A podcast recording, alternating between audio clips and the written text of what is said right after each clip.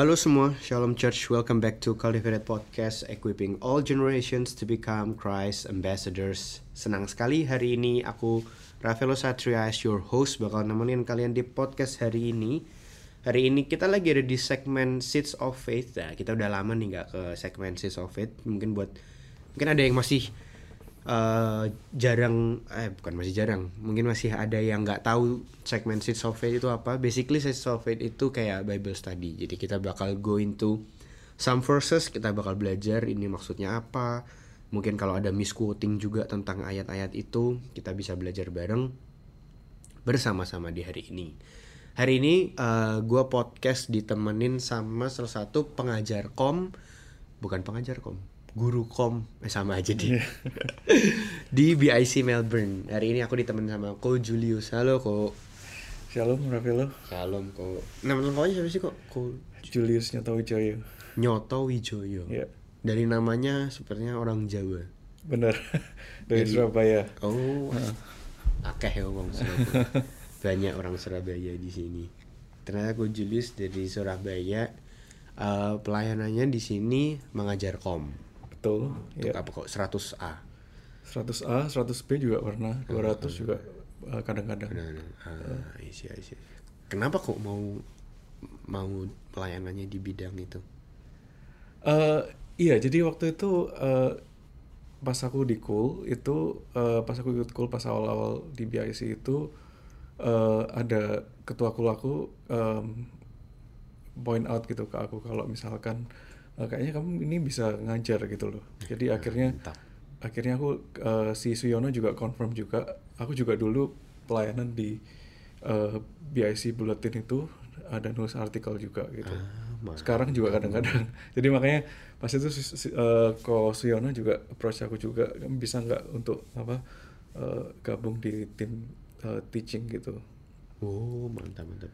Jadi ya Eh, seperti itu. se- ini sejujurnya tanpa ada acting atau apa ini kita baru pertama kali ketemu ya kok.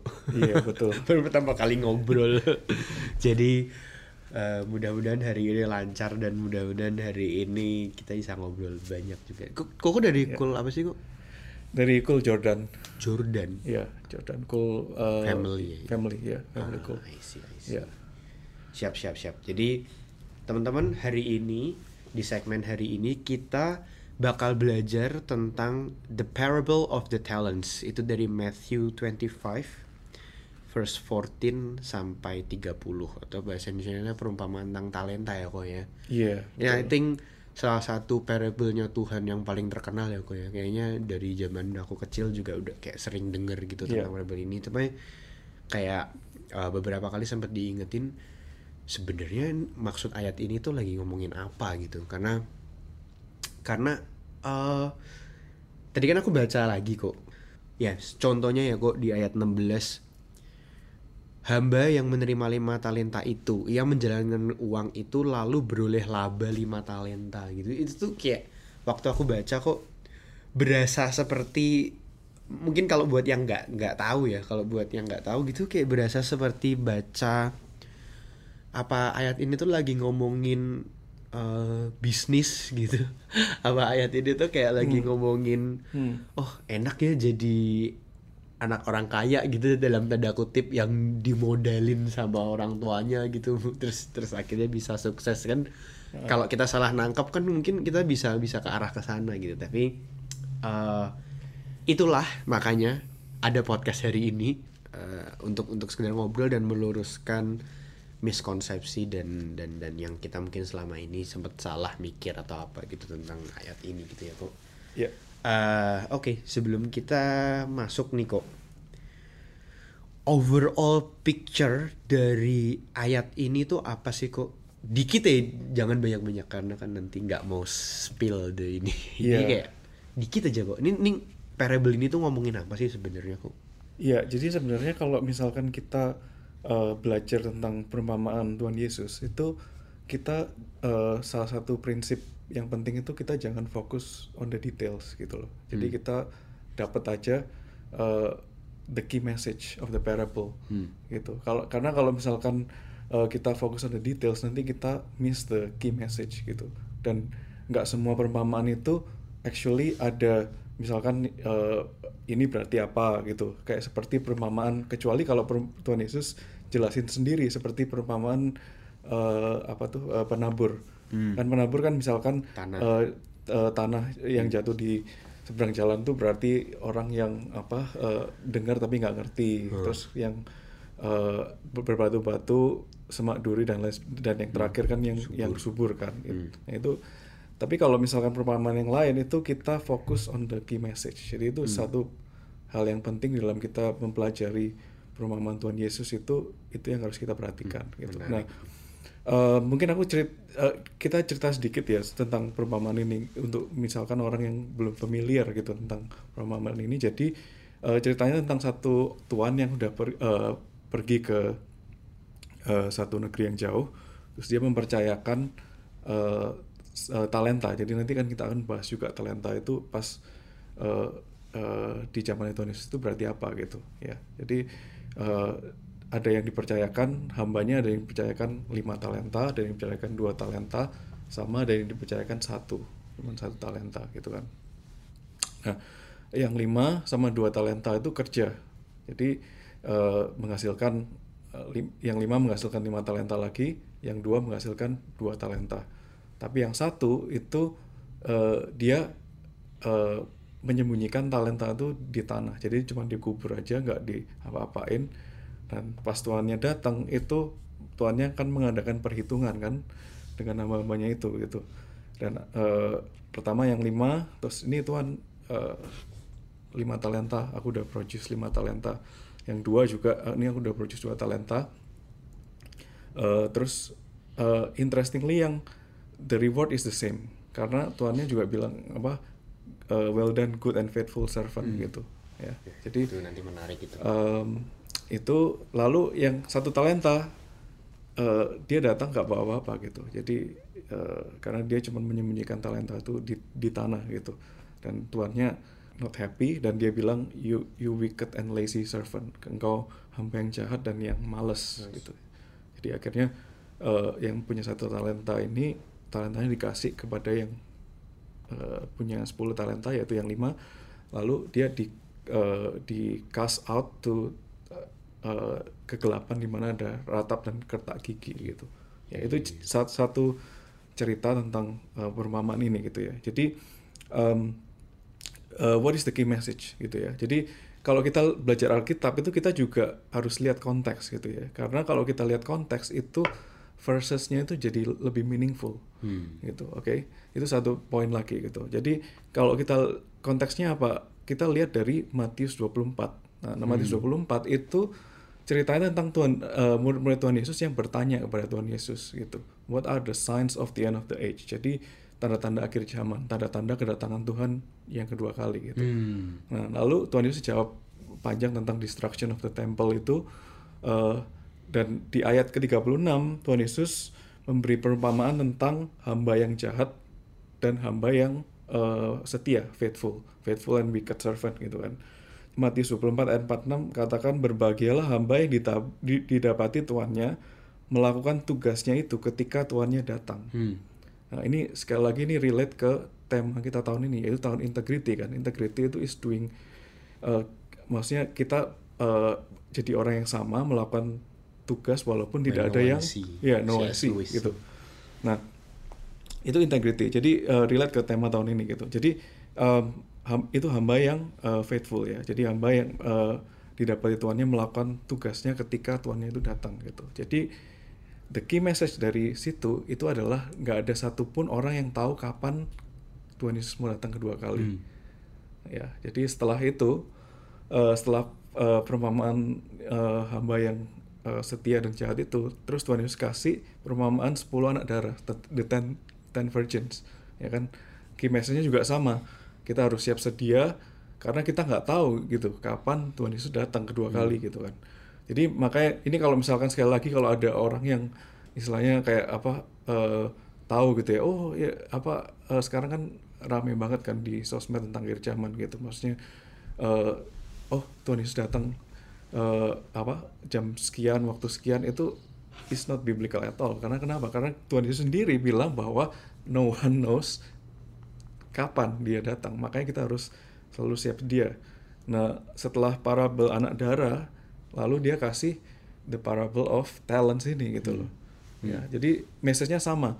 Kita harus selalu siap sedia dan kita harus uh, faithful dengan gift and abilities, the talent yang Tuhan kasih kepada kita gitu. Ya. Jadi Iya, faithful itu artinya apa? Faithful artinya kita uh, menggunakan our gift and abil- ability that God has entrusted to us for His glory and for others good gitu. Jadi untuk kemuliaan Tuhan dan untuk membangun orang lain Hmm, gitu loh. Jadi Iya, itu key message Iya, of iya. the parable Wah, ini. Thank gitu. you. Wah ini sangat banyak yang bisa dikulik. Mudah-mudahan kita bisa under satu jam ya kok. seru nih sepertinya perbincangan hari ini seru. Em, tadi kan Koko bahas ya kok masalah talenta. In aku doing some research gitu. Hmm. Kalau in in di uh, terjemahan bahasa Indonesia uh, baru, terjemahan baru uh, menerjemahkan dengan talenta. Hmm. ESV sama talents tapi di NIV dia bilang uh, gold bags Hmm. ada goldnya gak sih? Iya kayaknya. Aku salah lagi. Bener kan? Bags of gold. Ya. Uh, NKJV juga bilang talents. Tapi N- NKJV malah uh, ini di depannya ada for the kingdom of heaven. Ternyata ngomongin itu nanti kita ke sana lagi juga boleh. Tapi seperti yang tadi koko bilang kok jadi talenta itu apa sih kok? Hmm. karena kayak I think I still remember when I was um, in Sunday school gitu talenta ya ya ya talenta skill kita Betul. di kayak ya apa kayak nyanyi apa Iya. gitu-gitu Iya. gitu kan tapi kayak suatu hari kayak pernah denger juga talenta itu satuan berat atau aku nggak tahu ya ini yang Hmm. bisa tapi kayak pernah denger talenta tuh satuan berat jadi eh eh, mungkin cocok tuh tadi sama yang a bag of gold gitu jadi Iya. apa kayak eh ngomongnya apa sih satuan kayak satuan aja gitu kayak one piece two piece three piece dan kayak gitu jadi mungkin gimana kok Iya betul. Jadi kalau kalau misalnya kita lihat di, di NIV memang itu parable of the bags of gold gitu ya. Jadi eh, pada zaman Tuhan Yesus s- talenta itu berarti eh, eh, uang yang lumayan banyak gitu. Hmm. Jadi kalau aku udah research juga itu ada scholar yang yang eh, estimasi itu satu talenta. Jadi yang menerima satu talenta itu sat- satu unit of talent itu itu eh, kalau kamu punya itu kamu lumayan kaya gitu. Jadi kalau kamu punya satu talenta itu itu sama dengan kalau value-nya sekarang itu eh, 600 ribu US dollars. Hmm, wadaw 600,000 Wadaw. USD. Iya, iya, Jadi iya, iya. ya bayangin aja jadi bisa apa eh, orang yang punya uang segitu kan lumayan kaya gitu kan. Mhm. Em, tapi parable ini jadi perumpamaan ini tuh bukan tentang gimana kita steward money, tapi kita steward gift and ability. Karena di bahasa Inggris talenta itu kan berarti kan eh, gift and ability kan. Jadi Hmm. kalau misalkan orang bilang oh ya you are talented gitu kan bukan berarti kalau you are rich kan, Hmm, tapi hmm. you are you are skillful gitu loh. Hmm. Iya, jadi seperti itu gitu. Jadi eh, apa perumpamaan ini tentang bagaimana kita eh, setia dengan apa eh, talenta, gift, ability yang Tuhan sudah percayakan kepada kita masing-masing. Tapi kalau tapi kalau koko ngomong gitu, what is your comment if someone says "I- iya iyalah yang punya lima kan apa yang bisa yang bisa nyanyi, main keyboard, main apa segala macem pokoknya kayak Heeh. yang perfect gitu ya iyalah jadi jadi berbuah dalam tanda kutip lah lah aku nih loh aku cuman punya satu aku cuman aku cuman bisa bersih bersih gitu misalnya kasarannya Oke. kayak uh, uh, maksudnya gini bukankah kalau gitu ayat ini menjadi sesuatu kayak kayak gimana ya seolah-olah tuh kita jadi permisif gitu. Seolah-olah kita menjadi menjadi oh ya make sense lah. Eh, yang lima rajin or ya, ibaratnya kita doing business kan. Hmm. ya eh, lah punya modal dari orang tua ya iyalah gampang lebih gampang lebih rajin lebih itu.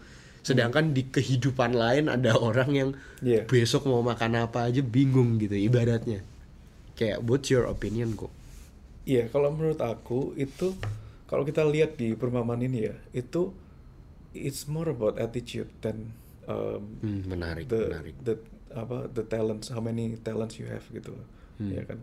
Um, apa eh, yang eh, tuannya itu nggak happy juga itu yang ditegur sama tuannya kepada hamba yang satu talenta itu adalah attitude-nya kan, Hmm, hmm. karena dia itu hamba yang malas gitu loh. Jadi hmm. Um, ada satu peribahasa bahasa Inggris juga uh, your al- your attitude determines your altitude.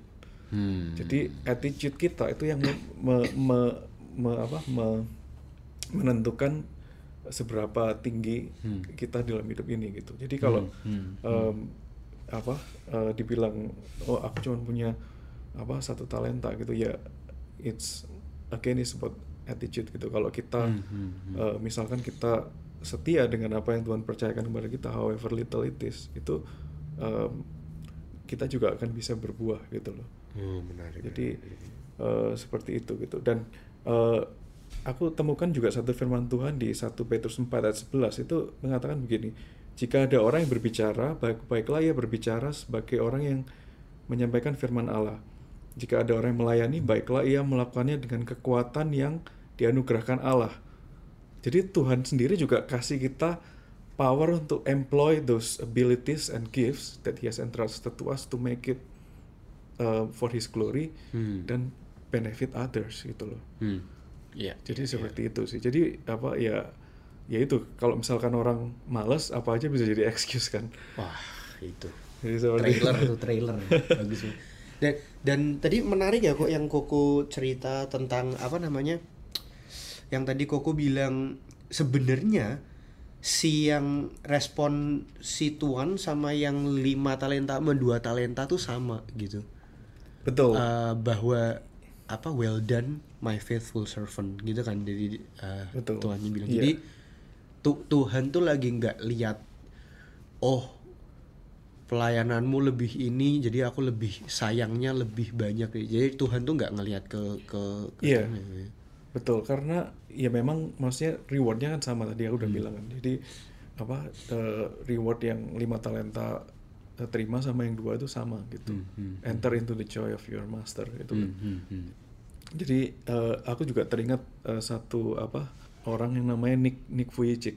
Hmm. Pernah tahu ya. Jadi tadi kalau misalkan ada orang yang punya attitude, ah ya aku cuman punya segini apa ya dibanding on- orang yang itu. Nah gimana dengan Nick Vujicic? Gitu. Nick Vujicic itu orang yang eh, lahir tanpa tangan dan tanpa kaki gitu, ya kan. Hmm.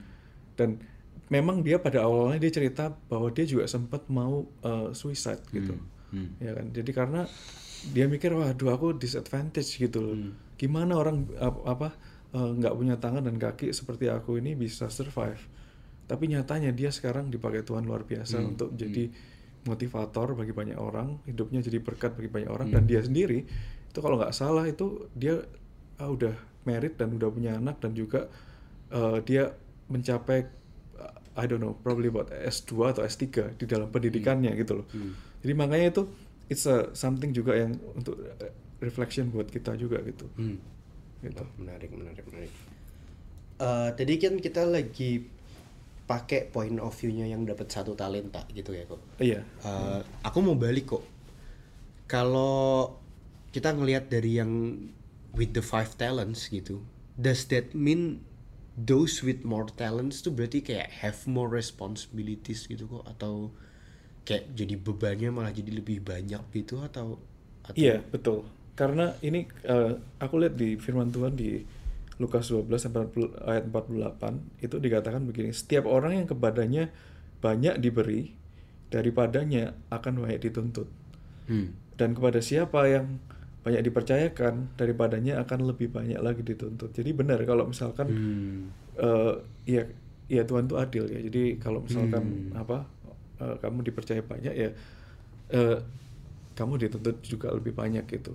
Jadi kayak sama aja kayak misalkan aku ini kan kayak ini kan parable ini kan sama seperti kayak orang yang expecting return of, on- of investment kan. Hmm. Jadi kalau misalkan kamu invest, kamu kasih uang lebih banyak ya pasti kamu Hmm. expect return yang lebih banyak gitu. Hmm. Iya kan? Makanya tadi nggak makanya tadi balik lagi sebenarnya nggak bisa alasan juga ya gue. Betul ya Hmm, uh, uh, jadi itu is all about attitude sih kalau aku yang bisa lihat di sini. menarik.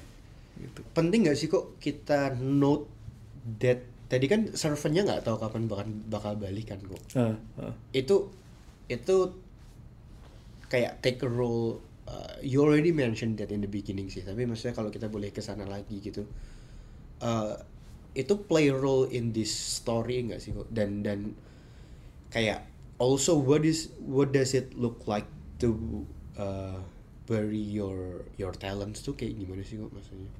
Iya, jadi em, gini, kalau misalkan what does it look like to bury your talents in reality itu ada tiga hal yang aku bisa kasih ya. Yang pertama itu procrastination, Hmm. jadi penundaan. Penundaan. gitu, ya. Jadi kayak misalkan contoh em, apa eh, ini ada opportunity buat ministry gitu, tapi ah nanti aja lah. Hmm. Gitu, aku kan masih muda, aku masih mau enjoy enjoy Hmm. life dan lain sebagainya, pursue the career and that gitu. Em, kesempatan itu belum tentu datang dua kali Hmm. gitu loh.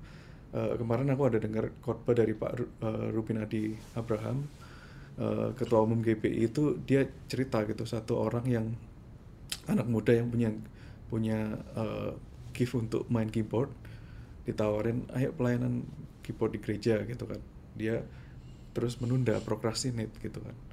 Dan akhirnya pada akhirnya dia kena eh, covid eh, unfortunately. Dan pas dia di hospital itu itu dia bilang ke pendetanya iya kalau aku sembuh aku mau gitu melayani sih jadi kayak opportunity itu tidak datang dua kali. Dan kalau ke- ketika kita eh, procrastinate itu eh, kita miss we may miss the opportunity yang Tuhan kasih eh, kepada kita gitu. Jadi itu yang pertama ya Hmm. procrastination ya. Yang kedua itu eh, fear of failure. Jadi takut gagal. Hmm. jadi kalau misalkan waduh nanti gimana ya kalau aku jelek eh, kalau aku jelek atau what will people other people think of me Hmm, gitu kan. hmm, hmm. itu yang bisa membuat orang itu actually uh, bury uh, their talents gitu. Uh, fear of failure itu. Atau yang ketiga itu uh, not giving our best. Hmm. itu juga bisa membuat orang itu bury their talents gitu. Dan kita juga uh, belajar juga dari Koden ya. Beberapa minggu yang lalu itu pas dia khotbah itu uh, dia uh, nggak cukup waktu gitu Hmm. pas dan di akhirnya dia rekam ulang Rekam gitu ulang. kan jadi itu is it Dua really lalu good ya? ya uh, dua minggu lalu dan it's it's really a good example of um, giving our best gitu to to the Lord gitu. Hmm. Jadi itu ya itu tiga hal sih yang yang aku bisa uh, kasih untuk Wah, menarik, menarik, contoh menarik. praktisnya gitu ya. Jadi tadi waktu eh, tadi kalau aku mau nanya yang bagian itu kok eh, ya memang kita nggak akan tahu kapan Tuhan datang makanya kalau kita punya kesempatan untuk melayani atau mengerjakan segala sesuatu kerjakan dengan sebaik mungkin ya kok ya berarti ya kok ya. Iya betul. Karena kan kita, servernya nggak tahu kapan Hmm. masternya will return. Iya, ya i- itulah the key message of apa of of this parable gitu. Karena kita nggak tahu kapan our master come, itu kita keep um, using our talents gitu ya. Hmm, Jadi hmm. buk- uh, bukan berarti lalu oh, oh, apa uh, misalkan oh ya ini Tuhan udah mau datang terus habis itu kita nggak usah kerja terus kita bertapa aja di gunung itu that's not the right thing gitu. This parable confirms that it's not the right thing Hmm, hmm. gitu. Kok kalau ah, ini aku ini dong kok mau pergi ke ayat 24 Mm-mm. Kini datanglah juga hamba yang menerima satu talenta itu dan berkata, Tuan, aku tahu bahwa Tuan adalah manusia yang kejam dan menuai di tempat di mana Tuan tidak menabur dan yang memungut dari tempat di mana Tuan tidak menanam. Apa sih kok itu maksudnya kok? Ah iya, jadi itu eh, gini, kalau menurut aku dia tuh punya eh, perception yang salah tentang masternya. Gitu. Hmm. Tadi kan kita tahu kalau eh, satu talenta itu eh, estimasinya itu 600 ribu US dollars kan. Hmm. Jadi eh, itu eh, apa yang dia katakan tentang tuannya itu nggak benar karena eh, tuannya udah generous banget kan ngasih Hmm. uang 600 ribu dolar Hmm, gitu hmm. misalkan buat dia kan. Kar- tapi karena dia malas, seperti yang aku bilang tadi karena attitude-nya itu hamba itu malas, itu eh, apa aja bisa jadi alasan gitu loh ya Hmm. kan jadi dan dia punya persepsi yang eh, ya yang salah soal eh, eh, tuannya itu gitu. Hmm. jadi em, itu yang pertama yang pertama yang aku eh, see dari situ gitu. Dan mungkin juga dia juga apa eh, berpikir bahwa oh ya I wish I I wish I have eh, yang I, I wish I have the five talents gitu kan. Dan kita harus realize bahwa satu eh, apa satu hal yang kita harus realize itu setiap kita itu diciptakan Tuhan tuh unik gitu ya. Jadi eh, dan kalau misalkan mau eh, diumpamakan the body of Christ itu setiap setiap apa setiap eh, eh, tubuh itu kan ada fungsinya sendiri-sendiri Hmm. gitu loh jadi em, ada pasti ada satu role di mana kita bisa fill in in the body of Christ Hmm. gitu loh jadi itu yang aku bisa tangkap dari dari- karena nggak ada yang lebih rohani satu antara yang lain juga ya ya maksudnya ibaratnya eh, ada yang nyanyi nggak ada yang asyir juga Iya, betul. ribet Ha, ha, nggak ada yang multimedia juga liriknya nggak keluar ibaratnya jadi kita Iya, memang benar. saling saling bantu satu sama lain Iya, dalam dan- betul. Jadi apa setiap kita tuh punya sep- seperti tubuh itu kan punya eh, apa banyak eh, anggota-anggota tubuh itu kan berbeda tapi dan fungsi-fungsinya itu lain-lain ber- Hmm. berlain-lainan gitu loh. Jadi em, itu yang apa yang yang kita harus realize gitu ya. Jadi makanya kita eh, bisa apa pun yang kita punya gitu, however little it is, kita bisa pergunakan itu untuk eh, kemuliaan Tuhan dan untuk benefit of others gitu. Hmm. Wah menarik menarik kok. Em, aku I think dari sekian menit podcast ini aku belajar bahwa at the end this is the the master's talent gitu. Maksudnya kita Betul. akan diberi Hmm. gitu. Hmm. Therefore we are stewards actually gitu kan hamba. Hmm. Eh, Kayak as we are entrusted with our talents gitu kok. What does it look like to be faithful with sih kok? Maksudnya apa Iya. ya, setia tuh apa sih maknanya gitu bagi I mean you may answer that with your own personal um, sharing mungkin atau gimana Iya, jadi em, apa? eh, jadi pertama step yang pertama ini yang eh, ini secara praktikal ya. Step yang pertama mungkin kita harus tahu dulu dong kita ini what what are our gifts gitu ya. Hmm. Jadi kayak misalkan eh, gifts itu kan bisa juga eh, natural gift eh, bukan spiritual ya kan spiritual gift itu ada lagi gitu kan. Hmm. Tapi kita juga tahu juga natural gift kita itu apa gitu. Jadi kita pertama kita harus tahu what are our gifts. Yang kalau misalkan kita eh, kalau misalkan spiritual gift itu kalau kita eh, ikut kom di kom 100B itu ada satu kelas di mana kita bisa ada satu survei untuk discover our spiritual Hmm, gifts gitu. Nah, itu mungkin kamu ingat itu eh, kalau kamu udah ikut kom 100B itu. Nah itu. Jadi eh, pertama kita harus tahu gift kita apa. Dan kedua use our gift to bless others gitu. Jadi whether kita eh, seperti aku bilang tadi kayak kita join eh, ministry gitu kan. Jadi start mulai mulai aja dari yang cool ya kan. Kita bisa mulai dari yang kecil yaitu yang kom- komunitas kecil yaitu cool.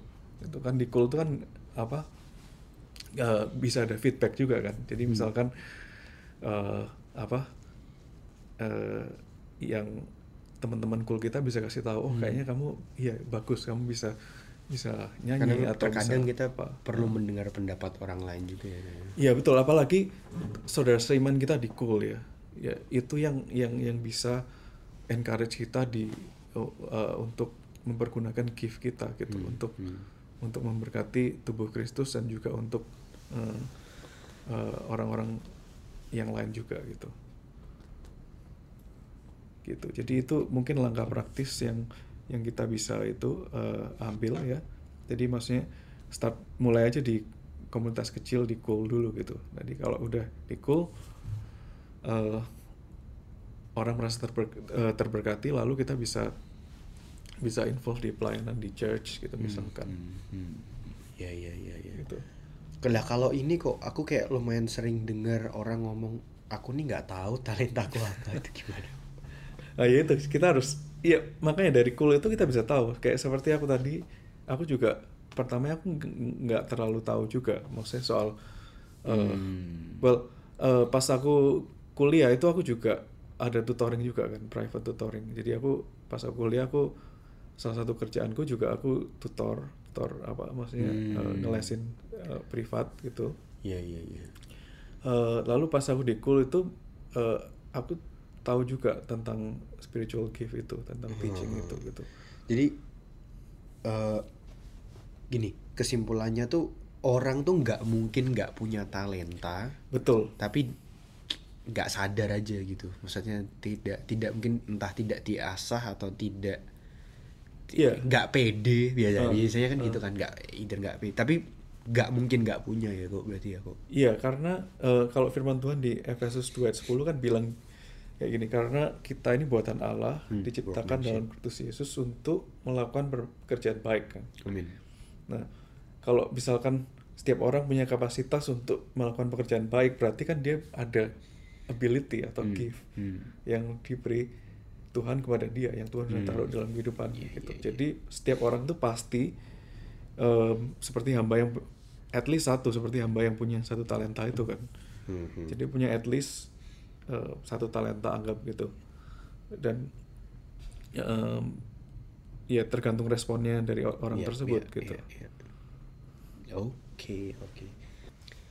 Ah, thank you kok buat uh, penjelasannya di segmen Seeds of Faith hari ini. Uh, aku cukup jelas juga dan kayak banyak diingetin juga dari sharing ko Jul. Uh, maybe one last question nih kok. Uh, kita ke pertanyaan yang agak-agak praktikal ya kok. Hmm, hmm, Kalau dari Koko sendiri gitu, misalnya nih ada anak FA gitu, hmm. nanya gitu eh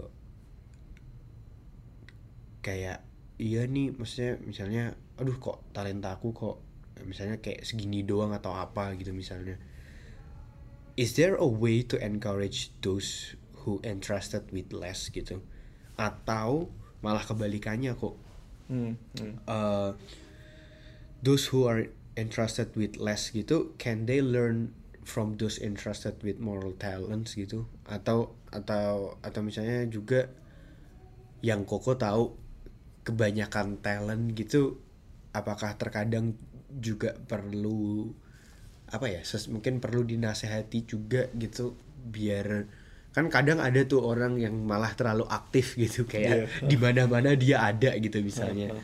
Uh, Know, anything you can share to us Eh, Iya, yang pertama kita harus eh, ingat kalau eh, talenta ini itu datangnya daripada Tuhan ya. Hmm. Jadi yang punya eh, lima talenta itu juga nggak bisa boast gitu karena Hmm, wah, itu menarik sih. Iya, it's it's it it all comes from the Lord gitu. Dan em, dan semua untuk balik lagi untuk kemuliaan Tuhan lagi gitu. Tuhan yang It- it- itu kunci ya Iya, ha, ha, itu ha, kunci ya ha, karena ha. sebelum kita mengetahui itu yang lima mungkin bisa jadi belagu gitu Iya betul. yang- Jadi kita bisa jatuh di dalam dua dua hal yaitu pertama superiority, jadi Atau inferior. atau inferiority gitu. Yang misalkan yang punya satu talenta merasa ya aku nggak terlalu punya banyak ta- talenta gitu. Hmm. Again yaitu kuncinya yaitu kita remember bahwa oh ya apa yang kita punya ini itu berasal daripada Tuhan. Yang punya satu itu juga nggak perlu feel inferior karena ultimately it's God who gets the glory. Amin. It's not it's, it's not about uh, uh, kita, apa kita, ya ya ya showcasing our our abilities gitu. Iya, Tapi iya, iya. gimana makanya dari tadi kan uh, uh, uh, aku bilang kita harus pakai talenta kita itu untuk kemuliaan Tuhan dan untuk the good of others gitu, Hmm, untuk hmm, membangun sesama kita gitu. Eh, aku mau last last question dong kok Eh, mengingat gitu ya mengingat aku tuh ada upbringing dari ayat ini gitu semasa kecil gitu sampai sekarang gitu Eh, kayak yang aku tadi bilang di depan kok maksudnya mungkin dulu pas kecil berasa ayat ini tuh untuk apa ya untuk menyemangati kita biar biar rajin gitu misalnya dalam tanda kutip biar ya biar biar rajin biar nanti sukses biar nanti kaya Hmm, hmm, biar hmm. nanti. Bla bla bla whatsoever gitu. Tapi kalau di kalau di NKGV langsung dibuka dengan for the kingdom of heaven. Gitu. Jadi uh, uh, apa ya maksudnya aku nggak mau podcast ini maksudnya uh, mislead teman-teman yang dengerin aja gitu. Maksudnya bahwa memang parable ini tuh lagi ngomongin kerajaan Allah ya kok berarti ya Kok? Hmm. Iya betul. Jadi uh, Bu- bukan berarti kita nggak rajin dalam hidup atau dalam tempat pekerjaan juga bukan berarti kita jadi malas-malesan gitu tapi hmm, uh, karena ini very personal gitu jujur aja aku waktu zaman Sunday school zaman kecil tahu ayat ini ya bawa bawaannya tuh wah pengen memperkaya diri sendiri gitu ibaratnya gitu Hmm, tapi it's not about that ya Koy. Hmm. Iya, jadi itu em, apa eh, semua parabel yang Tuhan Yesus itu eh, eh, share yaitu semua tentang kerajaan Tuhan kan, Hmm. Kera- Amin, the amin. kingdom of God kan. Jadi mungkin banyak yang nggak nyadar loh kok ya jadi em, kadang kita juga bisa punya apa eh, eh, kayak separation gitu ya jadi oh em, kalau yang kerajaan Allah itu itu cuman yang gereja gitu. Jadi kayak Oh, iya, ministry atau apa. Tapi kalau eh, bisnisku atau studiku atau eh, kerjaanku itu bukan kerajaan Allah itu merenggut itu sekuler Tuhan. gitu kan. Nah itu itu bukan itu eh, itu that's not that's not right attitude Hmm. gitu. Kenapa? Karena em, kalau kita lihat apa eh, worship worship itu is not just about singing tapi Our life. gimana eh, hidup kita itu em, jadi jadi cerminan bahwa Tuhan itu is worthy to be worship gitu loh. Amin. Jadi gimana kita kerja sehari-hari, gimana kita nggak nggak nggak malas-malesan di tempat kerja kita, itu bisa jadi kesaksian juga untuk Hmm, membawa orang eh, di mana masuk ke dalam kerajaan Allah gitu. Hmm. Our work ethic gitu misalkan di tempat kerja dan ya apa pun yang kita lakukan gitu. Gitu. Amin, amin, amin. Jadi tolong digaris bawahi, ini lagi ngomongin kerajaan Allah ya, kerajaan surga. Iya betul. Amin. Jadi ini yang kita harus ingat yaitu kita harus be faithful uh, with gift and ability yang Tuhan udah en- Thank you uh, kok, thank you for the teaching. Nanti kapan-kapan isi-isi lagi ya, kita ngobrol-ngobrol yang lain. Wah, thank you banget kok, aku dapat banyak eh, eh, apa ya? Aku berharap bener-bener podcast hari ini bisa memberkati teman-teman semua yang dengerin juga gitu. Eh, mungkin aku nggak tahu kalian hari ini dapatnya apa, tapi kalau aku personally dapatnya tadi ngena banget waktu Koko bilang sebener-benernya yang lima talenta sama dua talenta respon Tuhan tuh ya sebenarnya sama gitu Hmm. seolah Hmm. agak tahu aku kayak dapat suatu bayangan Tuhan tuh Tuhan tuh gimana ya ngomongnya? Bukan nggak peduli bukan nggak peduli juga sih tapi bener-bener Tuhan tuh lagi nggak ngeliat oh berapa jiwa yang kamu selamatkan? atau oh berapa hours you spend in church or whatsoever gitu. Tapi tadi ya kita lagi ngomongin masalah respon hati ya. Kalau kamu memang eh, emang mau pakai talenta ini untuk memuliakan nama Tuhan ibaratnya juga dikasih jalan pasti tapi Hmm. seperti ngomong ke yang tadi pegang satu talenta kalau kamu aja wicked and lazy servant jadi ini aku tadi suka banget pas kita lagi ngomongin semua ini tuh ujung-ujungnya lagi ngomongin eh, hati ya kok berarti ya lagi kayak, kayak lagi ngomongin hati dan respon Iya, hati iya attitude. attitude ya Uh, uh, aku suka iya, sih tadi uh. maksudnya Iya. Thank you kok sekali lagi sudah mau mengisi di segmen hari ini. Uh, God bless you, Thank God you. bless pelayanannya Yeah. juga. Nanti kapan-kapan nih kok kita ngobrol-ngobrol lagi. Uh, Yeah, thank you lah. juga buat teman-teman yang uh, sudah dengerin podcast hari ini. Aku berharap podcast hari ini bisa memberkati kalian semua. Podcast hari ini juga uh, cukup jelas gitu, bisa kalian tangkap.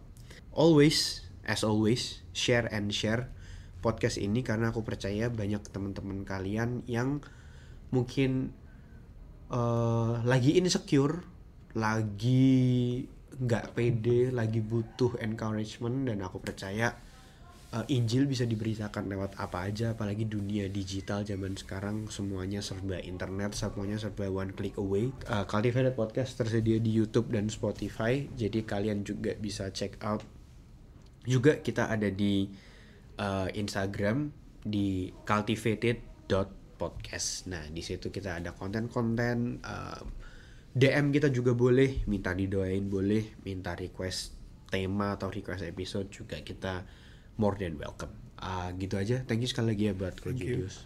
Uh, I'll see you guys in the next episode. God bless you. Terima kasih sudah mendengarkan podcast kami. Share podcast ini kalau menurut kalian memberkati. Cultivated Podcast tersedia di Spotify dan YouTube dan kalian bisa cek juga Instagram kita di cultivated.podcast. Terima kasih.